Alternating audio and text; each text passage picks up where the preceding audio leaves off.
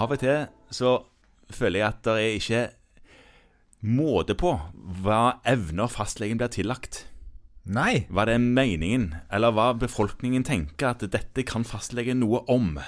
Ja, det er jo hyggelig. Altså, det er jo en tu- Du er jo en tusenkunstner. Ja da, ja da. Og, men veldig mange ganger så er det snakk om ting som ingen vet noe om. Hvorfor lager det lyd når jeg strekker ut albuen? Noen ganger sier det knikk. Ja. Og så er det liksom noe de tenker at dette må fastlegen gi svar på. ja.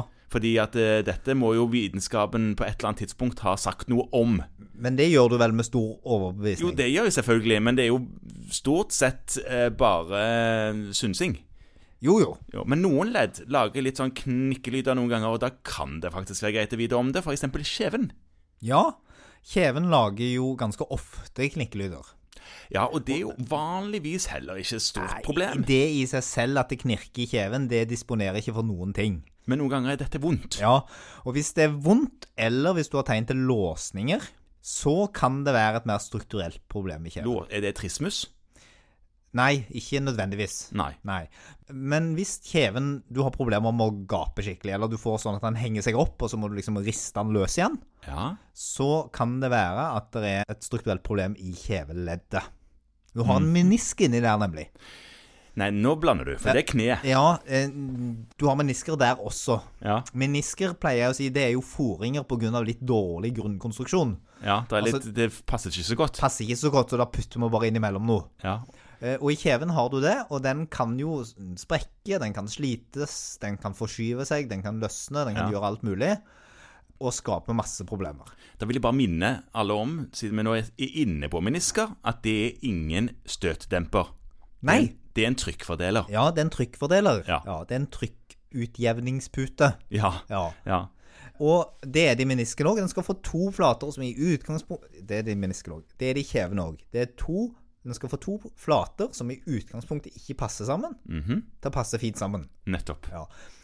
Og det er relativt vanlig å ha litt problemer med dette. Ok. Ja, men sånn at du trenger medisinsk behandling for det? Ja, altså, problemer med kjeven, og da snakker vi om, om sånn kjeveleddsdysfunksjon, så er det der er ingen igjen, ikke- ikke kjempegode norske data. Utenlandske data 3-15 av befolkningen. 3 til 15? Ja. Ja vel. Eh, Men det rangerer jo da alltid fra de som har litt ubehag og plager, til de som har problemer med at det låser seg aldeles. Og da er det sånn at dette kan gi en masse forskjellige problemer. Det kan gi hodepine, smerter i øret, eh, følelse av tetthet i øret. Det Kan til og med gi tinnitus-symptomer.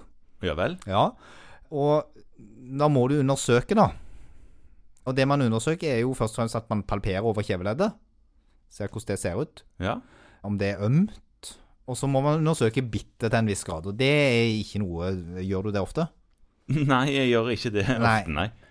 Eh, Det er helt lov å få hjelp av en tannlege til en del av det. Ja, for de er bedre på det enn enn oss. De er mye bedre på det enn oss. De kan jo tenner, liksom. Ja. Og, og de er veldig gode på å vurdere bitt. Ja. Underbitt, overbitt, skeivt bitt osv.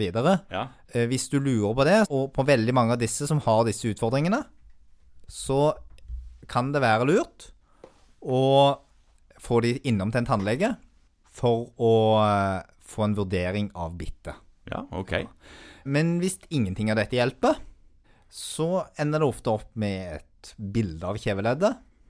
Og da er det gjerne et MR-bilde. Ja, for det visualiserer disse meniskene òg. Ja.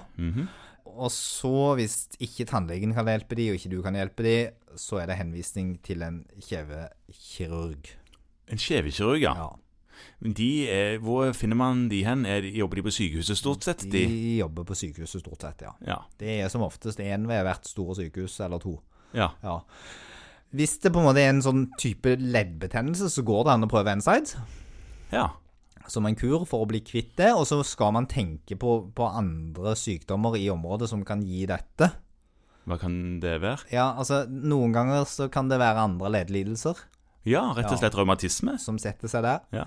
og så skal man tenke litt på hvis det er veldig ømt i dette området, ikke helt typisk på denne temporalsarteritten, som jo er en Ja. differensialdiagnose med mange av disse. Det er sant. Ja.